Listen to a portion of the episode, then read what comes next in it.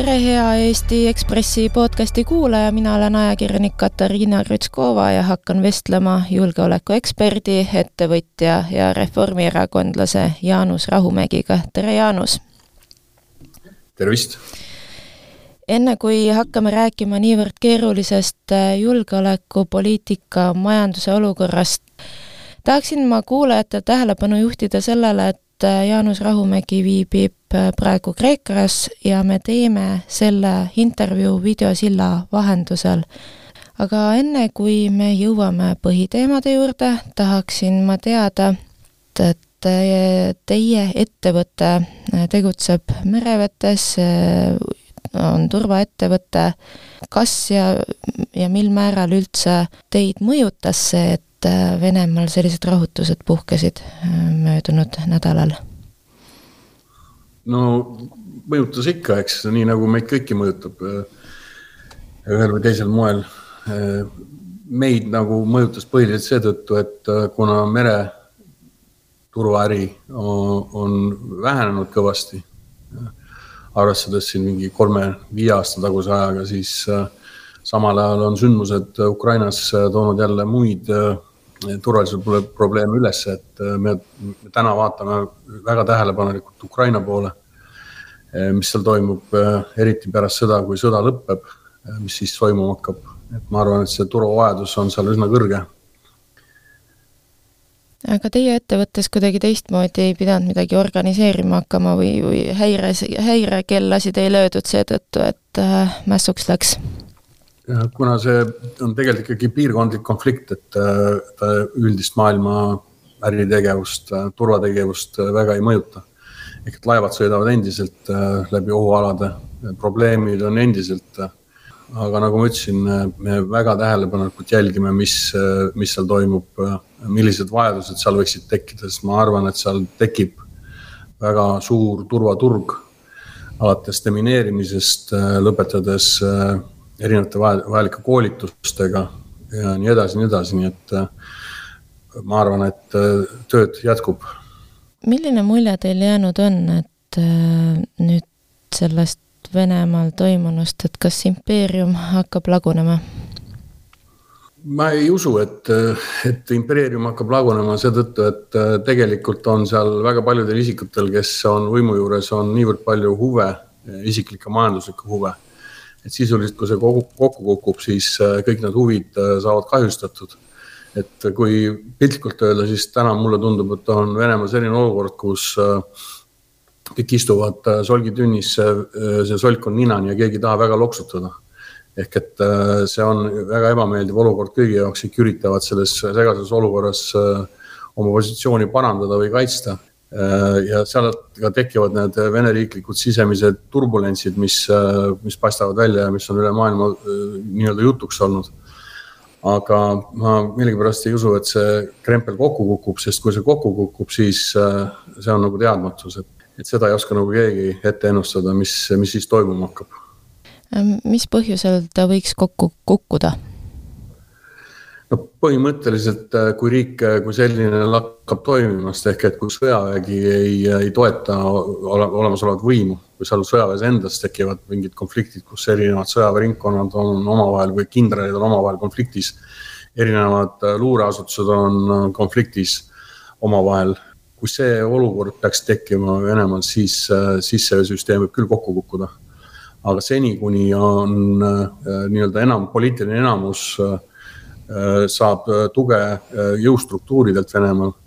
ma arvan, et seal midagi sellist, mida tegelikult väga paljud ka läänes võib-olla ootavad, ei juhtu.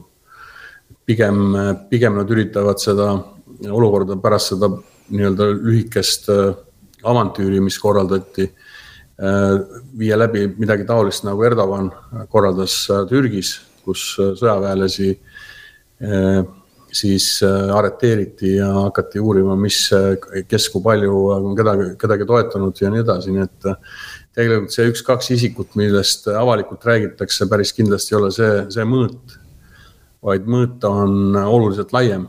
see suhterägastik, nagu Rainer Saks on õieti maininud kuskil, on niivõrd meeletult suur, et see ei ole võimalik, et see on ainult ühe-kahe inimese nii-öelda initsiatiiv korraldada mingisugune Moskva peale sõit, eks. ehk et selleks, et korraldada nii suurt Moskva poole sõitu, ešelonid ešelonid üles ehitada, see nõuab väga palju logistilist abi ja tuge. ma mitte hetkeks ka ei kahtle selles, et Venemaal oli väga palju neid, kes teadsid, ma arvan, et eriteenistused teadsid seda, mis toimub ja toimuma hakkab, et see ei olnud mingisugune üllatus mitte kellelegi, pigem oli üllatus see, et keegi ei teinud mitte midagi.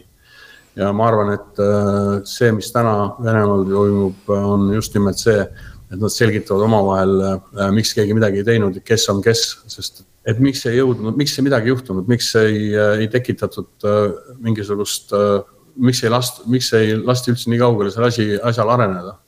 sest vaieldamatult oli seda informatsiooni väga paljudel ja kõrgetel kohtadel olevatel isikutel.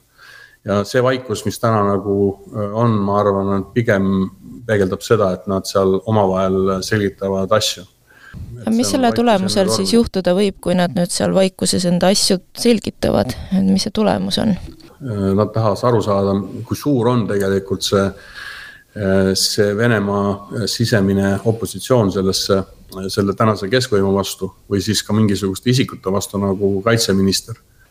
et ma arvan, nad tegevad, tegelevad selle sisekaemusega täna, mis selle tulemus on, tulemus on, saab olla ainult üks ehk nad päris kindlasti tahavad oma võimu kindlustada, sest et kui see nagu ära laguneb, siis nagu ma alguses ütlesin, on kõikide äh, tulevik üsna segane ja sellist ebastabiilsust ei soovi ilmselt mitte keegi seal.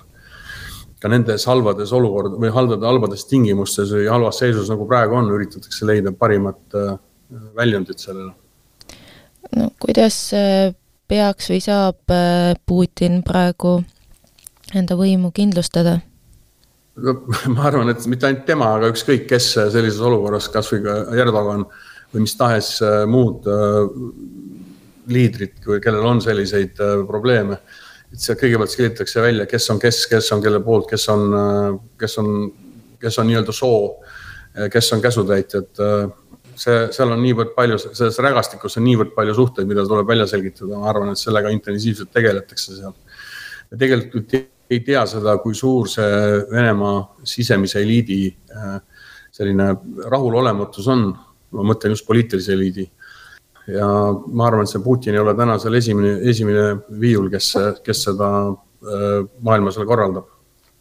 Te ütlesite, et Putin ei mängi enam esimest viiulit, kes nüüd mängib seal esimest viiulit siis?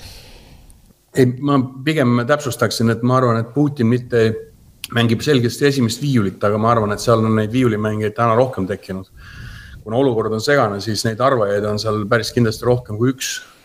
Ja see, ma veel kord rõhutan seda, et äh, selleks, et venelastest aru saada tänases äh, nii-öelda segases olukorras, selleks tuleb aru saada sellest, et kogu Vene võimu äh, eliit, nad üritavad säilitada enda hüvesid, enda ärisid, enda positsioone ja, ja see on see põhiline konflikti allikas. Miks äh, Prigožin ründas, äh, miks ta hakkas äh, toimetama sellisel moel, oli ju põhjus selles, et väidetavalt teda, teda pommitati, nende inimesi tapeti nende enda, enda vägede poolt fakt on see, et see oleks lõppenud täpselt samamoodi Prigožini enda mahalöömisega. ja sealt, sealt pidi mingisugune välja, väljund olema, aga see ei saanud kindlasti olla ainult ühe inimese initsiatiiv seal pidi olema palju rohkem neid inimesi, kes teadsid sellest, kes äh, läksid kaasa sellega ja nagu tavaliselt ükskõik millises organisatsioonis, kui me võtame Eesti mingisugust äh, partei sisemist võimuvahetust näiteks, siis neid nii-öelda soovijaid, kes tahaksid võimu muuta või neid ülemusi või erakonna esimehi muuta, neid on väga palju. aga siis, kui läheb tegudeks, siis kukub neid niivõrd nagu kamm, kammipiid vaikselt murtakse ära. ehk et see, et see, see ongi see täpselt samasugune loogika. Ehk alguses on tegijaid, nurisejaid, rahulolematuid väga palju, aga siis hakatakse lõpuks mõtlema iseenda peale, et mis minust saab, milline on see, millised on variandid ja lõpuks otsustatakse ikkagi jääda nii-öelda stabiilse, kindla olemasoleva ette teada mingisuguse süsteemi juurde, mis, mis on siiamaani edu toonud, mida nad tunnevad. sest see, mis ees ootab, on tundmatu ja tavaliselt siis ka kukuvad kõikvõimalikud toetajad ära. Ja see lühike lõppmäng, mis sellel oli, sellel siis nii-öelda väikesel putšikatsel oli ilmselt seetõttu, et seal ei olnud enam kellegiga nagu äh, nii-öelda kellelegi enam toetada, sest see ei olnud päris kindlasti ühe mehe show. ma ei, üldse ei välista, et seal oli ka väga palju sellist äh, üsna robustset ähvardust äh, nende inimestega, pea, nendele inimestele, kes äh, siis osalesid selle asja juhtimisel, eks nii et äh, see vene värk on väga karm ja need sõnad ja, ja mida kasutatakse ja mida, ja mida mõeldakse ja mida tehakse, on nii karmid, et noh, lääne ühiskonnal on seda väga raske mõista. aga teil on endal ka Venemaal tutvuseid, et inimesi, kes äh, teid otse informeerivad sellest, mis toimub või, või kuidas te infot ammutate? ma nendel teemadel ma ei hakkaks äh, rääkida, see on selline jah see ei ole selline avalik teema, mis, mis, mida avalikult käsitleda, mis puudutab infoallikaid. nagu me siin selle intervjuu alguses ka mainisime, see olukord nagu muutub nii kiiresti ehk et see info, kui ta ükskord kuhugi jõuab, on juba vananenud. et te ise ajakirjanik ilmselt teate seda, et mõnikord elu läheb nii kiiresti, et selleks hetkeks, kui ajaleht jõuab trükki, on need uudised juba vananenud, sest seda on tuleb kogu aeg peale ja selle tänase infoga on täpselt samamoodi, ehk et äh, seda infot tuleb nii palju erinevatest kanalitest ja see, see vananeb nii kiiresti. ja mingisugusel hetkel äh, on, tekivad sellised äh, infoaugud, kus ei, nagu justkui ei toimu mitte midagi. ja need infoaugud ei ole mitte sellepärast, et kõik on kuskil päevitama läinud ilusilmaga, vaid sellepärast, et käib mingisugune sise, sisemine äh, asjade äh, korrastamine, aru saab, millest ei räägita, mis on salajased, mis, mida, mida ei kuule ka Vene, Vene avalikkus ega noh, põhimõtteliselt on seegi, on see selline tegevus, mida eest ei saa kunagi teada mitte keegi tavaliste vahenditega. ja ma arvan, et Ida-Euroopa ehk Eesti, Baltikum üldse, me tunneme, vähemalt täna veel on meil Eestis väga palju neid eksperte, kes tunnevad Vene riiki veel väga hästi, kes räägivad vene keelt Äh, kes tunnevad vene hinge, kes oskavad nagu hinnata seda, äh, mida tegelikult lääne eriteenistused sellises, sellel tasandil või nii süvitsi ei suuda. just tänu sellele, et neil puudub see äh, selline noh, ma ei tahaks öelda hingeline, aga, aga põhimõtteliselt selline kont-, kontakt venelastega.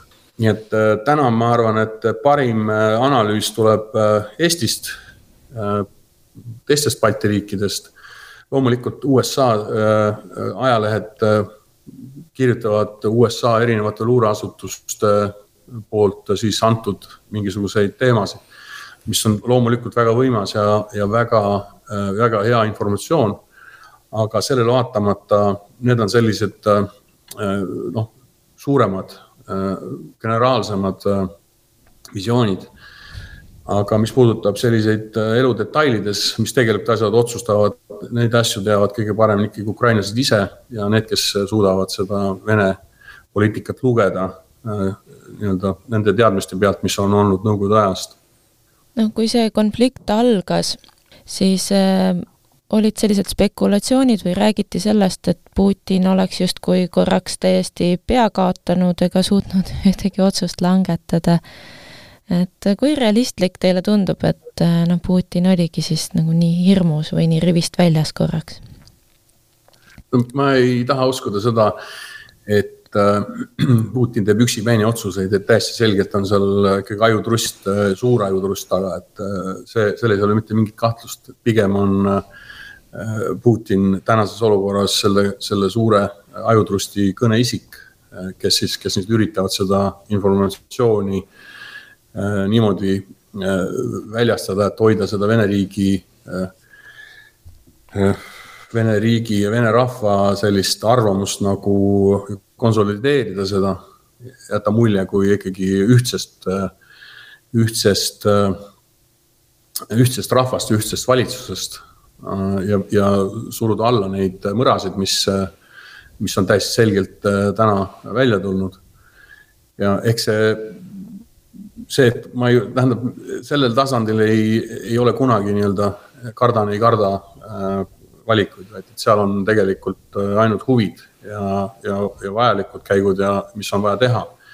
loomulikult me kõik, kes vaatame televiisorit, vaatame näoilmeid ja riietust ja, ja, ja igasugust muud nonverbaalset informatsiooni, mis tuleb, aga noh, see on tegelikult selline pinnavirvendus, nii et ma väga selle peale oma aega ei kulutaks.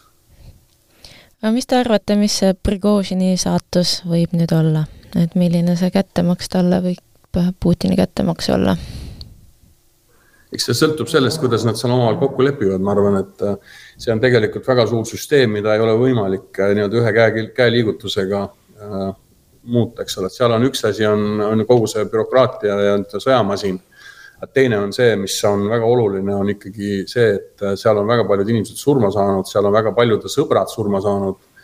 seal on väga palju informatsiooni selle kohta, kui halvasti Vene sõjamasin logistilises mõttes ja juhtimise mõttes töötab.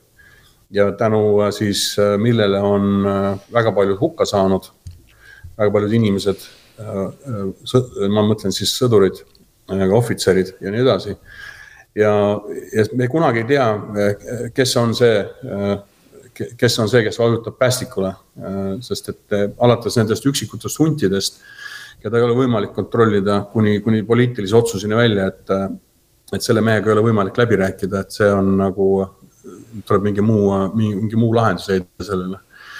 et seal on neid võimalusi seinast seina, ma millegipärast arvan, et äh, see sõltub sellest, kuidas nad suudavad oma, oma majapidamise seal korda sättida. ja kui see, kui see väga hästi ei õnnestu, siis ega ilmselt Prigožinil ei ole ka, ka pikka pidu. samas, kui nad suudavad selle omavahelise tüli seal ära klattida sellisel moel, et suuremat turbulentsi riigis ei teki, siis ma arvan, et tal võib ka olla mingisugune tulevik, nii et eks see elu näitab.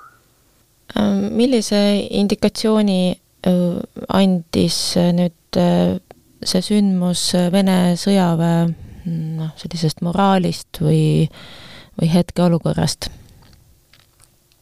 no ainuüksi see fakt, et äh, mingisugune hulk ja ilmselt olid mõned tuhanded äh, mehed olid valmis Moskva peale minema, eks ole, mis iseenesest juba sümboolses mõttes on äh, niivõrd, niivõrd kõrge profiiliga tegevus, mis tähendab tegelikult seda, et kui sa lähed oma riigi pealinna nii-öelda korda nõudma või pealinna peale sõjamasinatega, siis see, see, seal peab olema mitte ainult käsk, aga seal peab olema ka mingisugune muu äh, veendumust tekitav äh, asjaolu, näiteks see, et äh, kõik on nii palju maha tapetud lihtsalt tühja nende seast. Halva juhtimise pärast või siis, või mingid muud, mis, mis on neile tegelikult nagu piisav selleks, et, et nii-öelda mõõt on täis et ma ei ole päris kindel, kas äh, ainult käsu peale oleks äh, nii suurt äh, seltskonda kokku saanud. Ja nagu ma ütlesin, tähendab sellist marssi nii-öelda pealinna peale, kus konvoi hakkab minema, on logistiliselt korraldada ikkagi noh, ülesanne, seda, seda ei saa teha niimoodi, et et nagu ülim, Ülemiste parklased helistame kõigile ja hakkame driftima seal. et see on ikkagi logistiline sõjaline ülesanne et äh, jõuda selleni, et sealt minema hakata, need inimesed, kes seal äh, nii-öelda on, peavad teadma, et teevad, teevad õiget asja, nad lähevad õiget, äh, õiget asja tegema. kuidas see, mis nüüd toimus, mõjutas Ukraina mm, sõdureid, Ukrainas toimuvat sõda? No ma arvan, et ta selles mõttes nüüd sõjalises mõttes nagu otseses ei, otseselt ei mõjutanud, ta oli selleks liiga lühikene, see konflikt, seal ei jõudnud veel mingisugused mõjud hakata tekkima. aga mis, mida ta kindlasti mõjutas ja mida, mis on, mille mõjud on täna ka tunda, ma arvan, ja mida edasi, seda rohkem saame näha, kui palju neid äh, mõjusid on, on just nimelt see äh, Vene riigi äh, korralduse, ülesehituse usaldus Äh, sõdurite poolt, sõjaväe poolt. Äh, me tegelikult ei tea seda, mis äh, selles samas suhete rägastikus, kus kindralid on õppinud samades sõjakoolides, kes on tegelikult tunnevad üksteist, kus on niivõrd palju sellist ühisosa, mida meie ei tea. ja kui palju tegelikult täna need kindralid vaatavad nii-öelda Ukraina poole, kuidas seal nagu edu saavutada, aga samal ajal peavad vaatama üle õla mis siis seal tegelikult tagalas toimub, et kes kellega käima hakkab, mis siin saama hakkab, kas ma üldse viin oma naha turule asja eest. sest et segadus on täiesti selgelt olemas. ma arvan, et see segadus pole lõppenud. ja, ja see päris kindlasti venelastele kasuks ei tule. nii et ma arvan ka, et ukrainlased on üsna, üsna rahul sellega, et, et see tegelikult see Vene sõja, sõjaväe masinavärk ei, ei ole nii õlitatud, vaid ta on pigem mitte otseses mõttes roostes, aga on ka nii-öelda sümboolses mõttes roostes mis on äh, praegu võib-olla või, või võiks olla ukrainlaste poolt äh, selline loogiline või hea käik? No ma ei, ma ei julge öelda ühtegi asja, kui ma teaksin neid asju, siis ma ütleksin kellelegi, kes Ukrainas sõdib, eks, aga ma arvan, et ukrainlased on ise äh, väga hästi ja kiired õppijad. Neil on liitlased andnud väga palju tuge logistilises mõttes Äh, neile on antud koolituse mõttes, äh, seal on informatsiooni mõttes abi. et arvestades nende äh, hingelist valmisolekut ohvreid kanda oma maa vabastamisel, siis ja panna vastu siis demoraliseerinud segaduses Vene sõjaväe, siis ma arvan, et seal saavad olla ainult tehnilised takistused täna, et tagasi võtta see, mis neilt on ära võetud et küllap nad teavad täpselt, äh, mida, millal teha äh, ja kuidas teha ja milliste vahenditega. et peame lihtsalt ära ootama selle, kui need sündmused toimuma hakkavad. milliste äh, tuumaohtude hetkel näete, et siin enne selle mässu puhkemist oli ju Putini sõnum see, et Venemaal on juba, Valgevenes on juba tuumareaktorid olemas ja ja selline tuumasõja oht on nagu justkui õhus olnud juba mõnda aega, et äh, kuidas see mäss võib seda mõjutada? no põhimõtteliselt äh, on kaks uudist, äh, mis, mis paneb, mis paneb tähe, mis on, mis on nagu viimasel ajal sellega seoses olnud, eks ole. esimene uudis on siis see, et väidetavalt on viidud Valgevenesse tuumarelvad aga, ja samal ajal on viid-, viiakse sinna ka mingi kaheksa tuhat väidetavalt äh, äh, nii-öelda see Wagneri sõdurit, mis on noh, enam-vähem samas suurusjärgus, mis on Valgevene sõjavägi üldse, eks ju. Ja kui seal on äh, kaheksa tuhat või isegi rohkem mingisugust Wagneri sõda, sõdurit, siis kas on võimalik, et see on puhas teooria, eks, kas on võimalik, et, Wagneri juhid võtavad üle selle, selle tuumarelva seal mingisugustel segastel asjaoludel? Mingil hetkel, kui see asjaolud on selliseks kujunenud mingite teiste, teiste sündmuste käigus. et see on puhas teoreetiline võimalus, see on see, mis tegelikult on, on täna nagu uh, uus keskkond tuumarelva jaoks ehk et tuumarelv Valgevenes pluss uh, siis selline mittealluv uh, sõjavägi sealsamas kõrval et äh, need, see on see komponent täna, mis, äh, mis paneb kulmu kergitama päris kindlasti äh, liitlaste seas ja need sündmused, mis on selle tuumarelva paigutamise ja Wagneri paigutamisega seoses Valgevenes aga kuivõrd nüüd see, et Prigožin seal Valgevenes on ja noh, kui kõrvale jätta see tuumarelv, et, et mis ohtu seal nagu näha on, et? no ma ei usu, et neil on mingisugust äh, sõjalist jõudu äh, nii väikse hulga inimestega Ukraina vastu. Aga mida ma usun, on see, et äh, see seltskond võib-olla, ma ei tea, mis väljaõppega need seal on, aga kui nad on hea väljaõppega, siis on võimalik sealt selle seltskonna poolt erinevad provokatsioonid, hästi ettevalmistatud provokatsioonid. Äh, et see on see oht, mida, mida mina näen, provokatsioonid just Poola poole, Balti riikide poole see on see, mis, mis, mis tegelikult vajaks nagu tähelepanu. Aga ma arvan, et seda tähelepanu osutatakse piisavalt eh, nii Poola kui Balti riikide eriteenistuste poolt, et, et ma arvan, et see, sellega tegeletakse. mis nende provokatsioonide eesmärk võib siis olla või miks neid peaks tegema?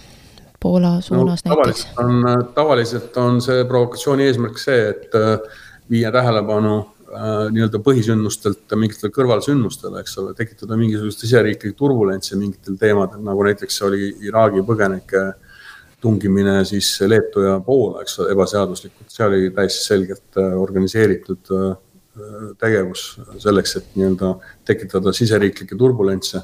no siseriiklikud turbulentsid, see takistab jälle poliitikutel nii-öelda suurte asjadega tegelemist, kuna kodumaal on, on palju probleeme.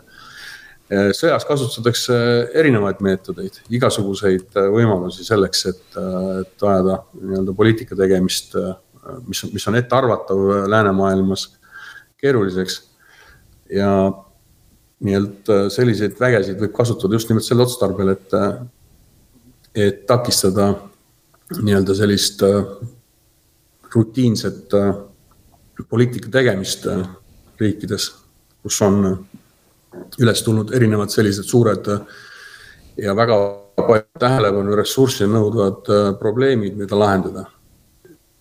Mis võis olla Lukašenka ja Prigožini kokkuleppe sisu? no ma arvan, et see esimene, äh, millest keegi küll ei räägi, aga tundes äh, vene hinge, siis esimene see kokkuleppe sisu oli, äh, oli Prigožini ellujäämise küsimus. et äh, iga inimene mõtleb ikka kõigepealt selle peale, et, teda maha ei löödaks. millised on garantiid, et teda maha ei lööda äh,? Peale seda äh, hakatakse, hakatakse rääkima nii-öelda muudest äh,, muudel teemadel, kui ka selles, selles konkreetses äh, isikliku turvalisuse küsimuses ei pruugi see olla nii-öelda lahtise kardini laua peal. aga nii-öelda muudes läbirääkimistes, muudel teemadel on see nii-öelda selline kaart laua peal, mis on tagurpidi. et aga kõik teavad, mis seal, mis kaart see on, eks.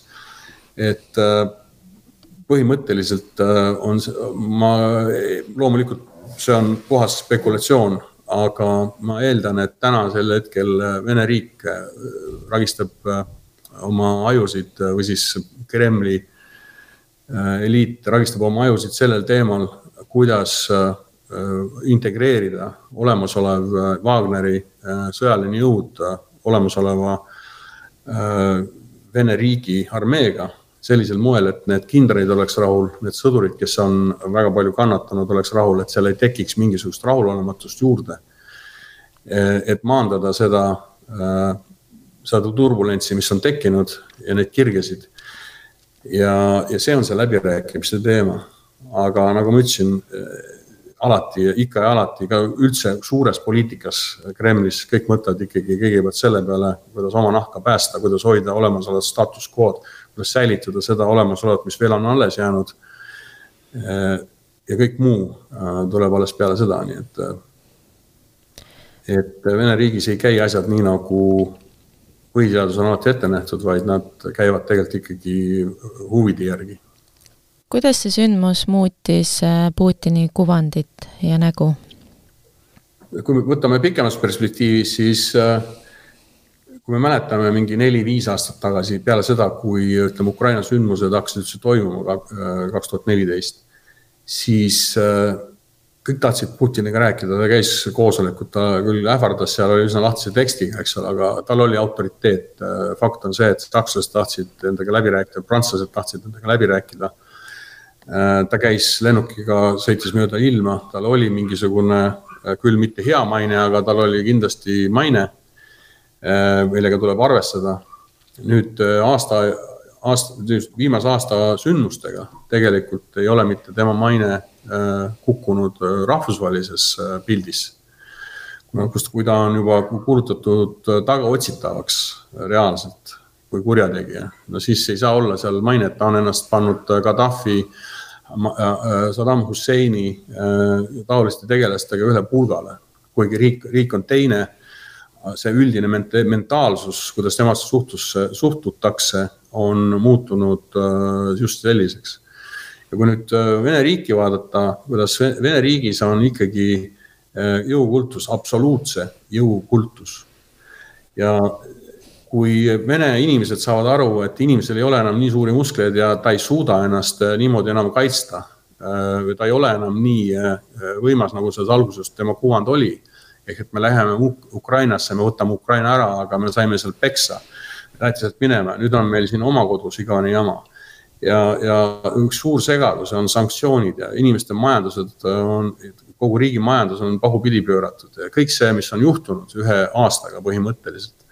Ei ole võimalik, et Putin on säilitanud täpselt sama renomee äh, oma riigis, äh, kui, kui tal oli aasta tagasi või poolteist aastat tagasi, see ei ole, see ei ole võimalik. ja täna tegelikult on küsimus Venemaal minu meelest selles, et midagi, aseainet nagu ei ole, ei ole nagu ühtegi sellist liit, liidil ei ole ühtegi teist isikut, kes, keda niimoodi ette lükata et äh, nii-öelda see olukord maha rahustada, öelda, et nüüd me teeme väikseid muudatusi või, või mis iganes. esiteks Putin ei taha kõrvale astuda äh,.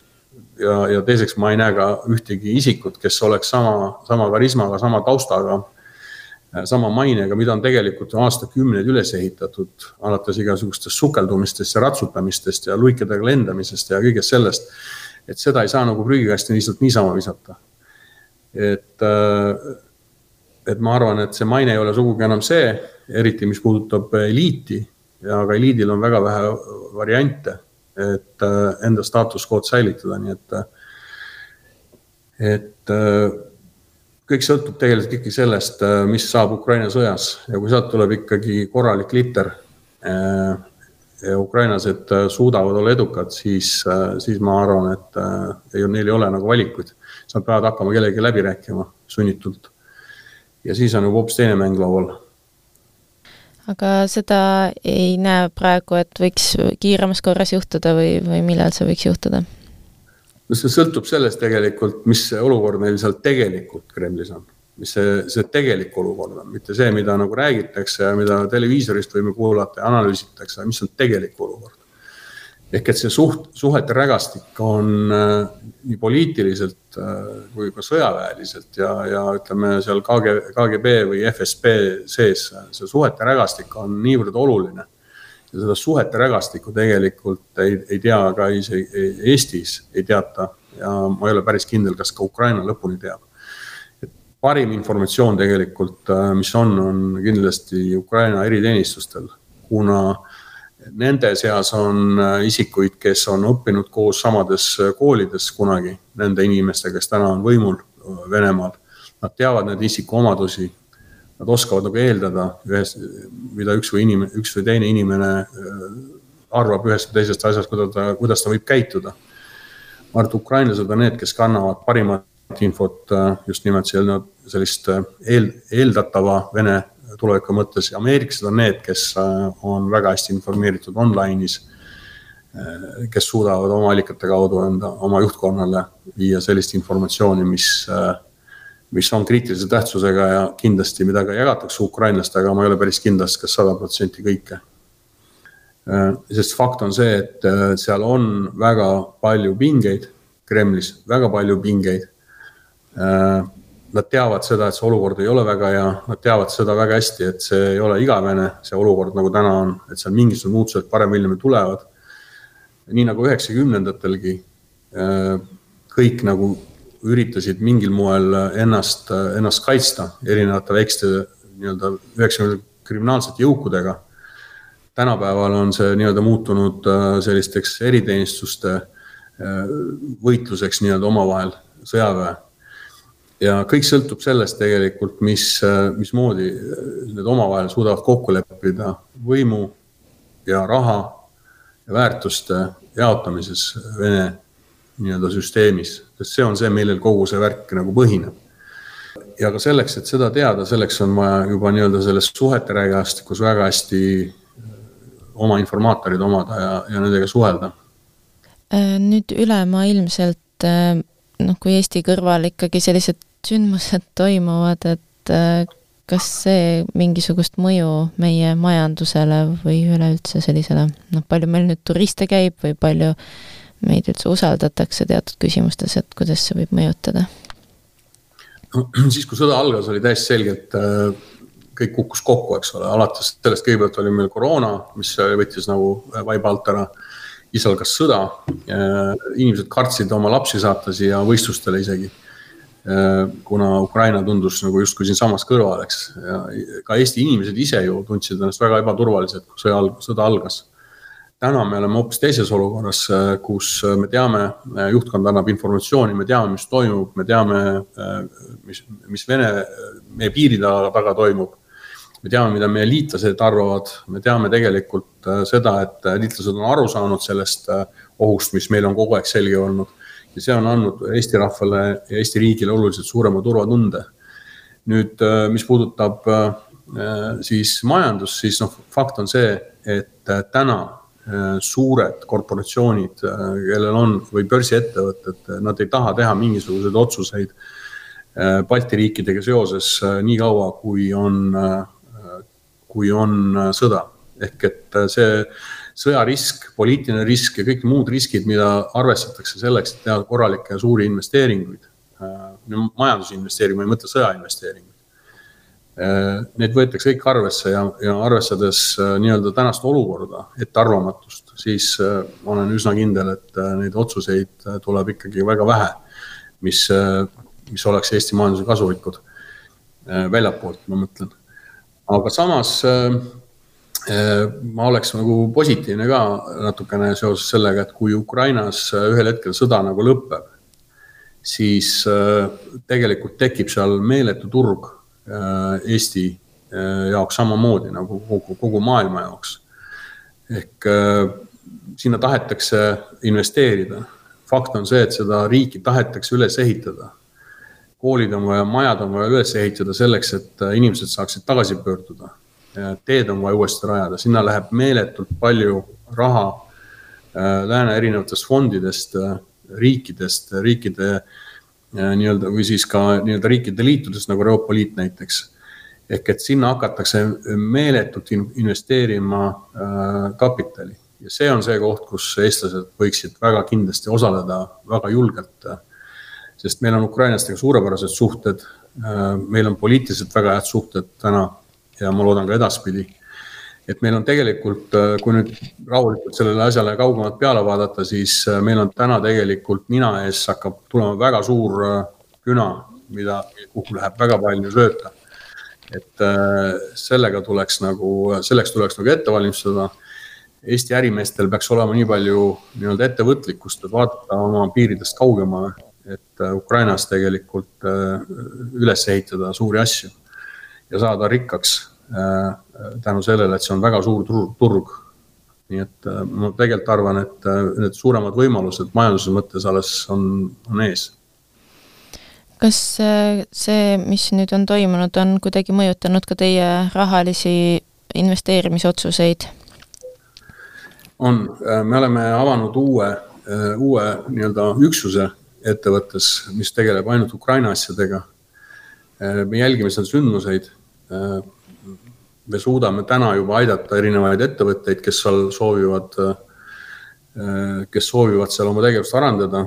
kui näiteks Slava Ukraini oleks meie poole pöördunud õigel ajal, äh, neil ei oleks kunagi neid probleeme tekkinud, selliseid äh, nagu neil täna on.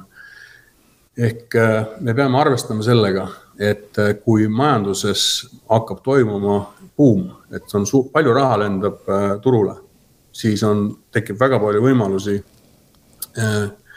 nii-öelda seda raha äh, kasutada mitteotstarbekalt või siis üldse varastada. ja selleks, et äh, seda juhtuks, selleks on vaja väga head informatsiooni, õigeid partnereid, korralikku kontrolli, ülevaateid.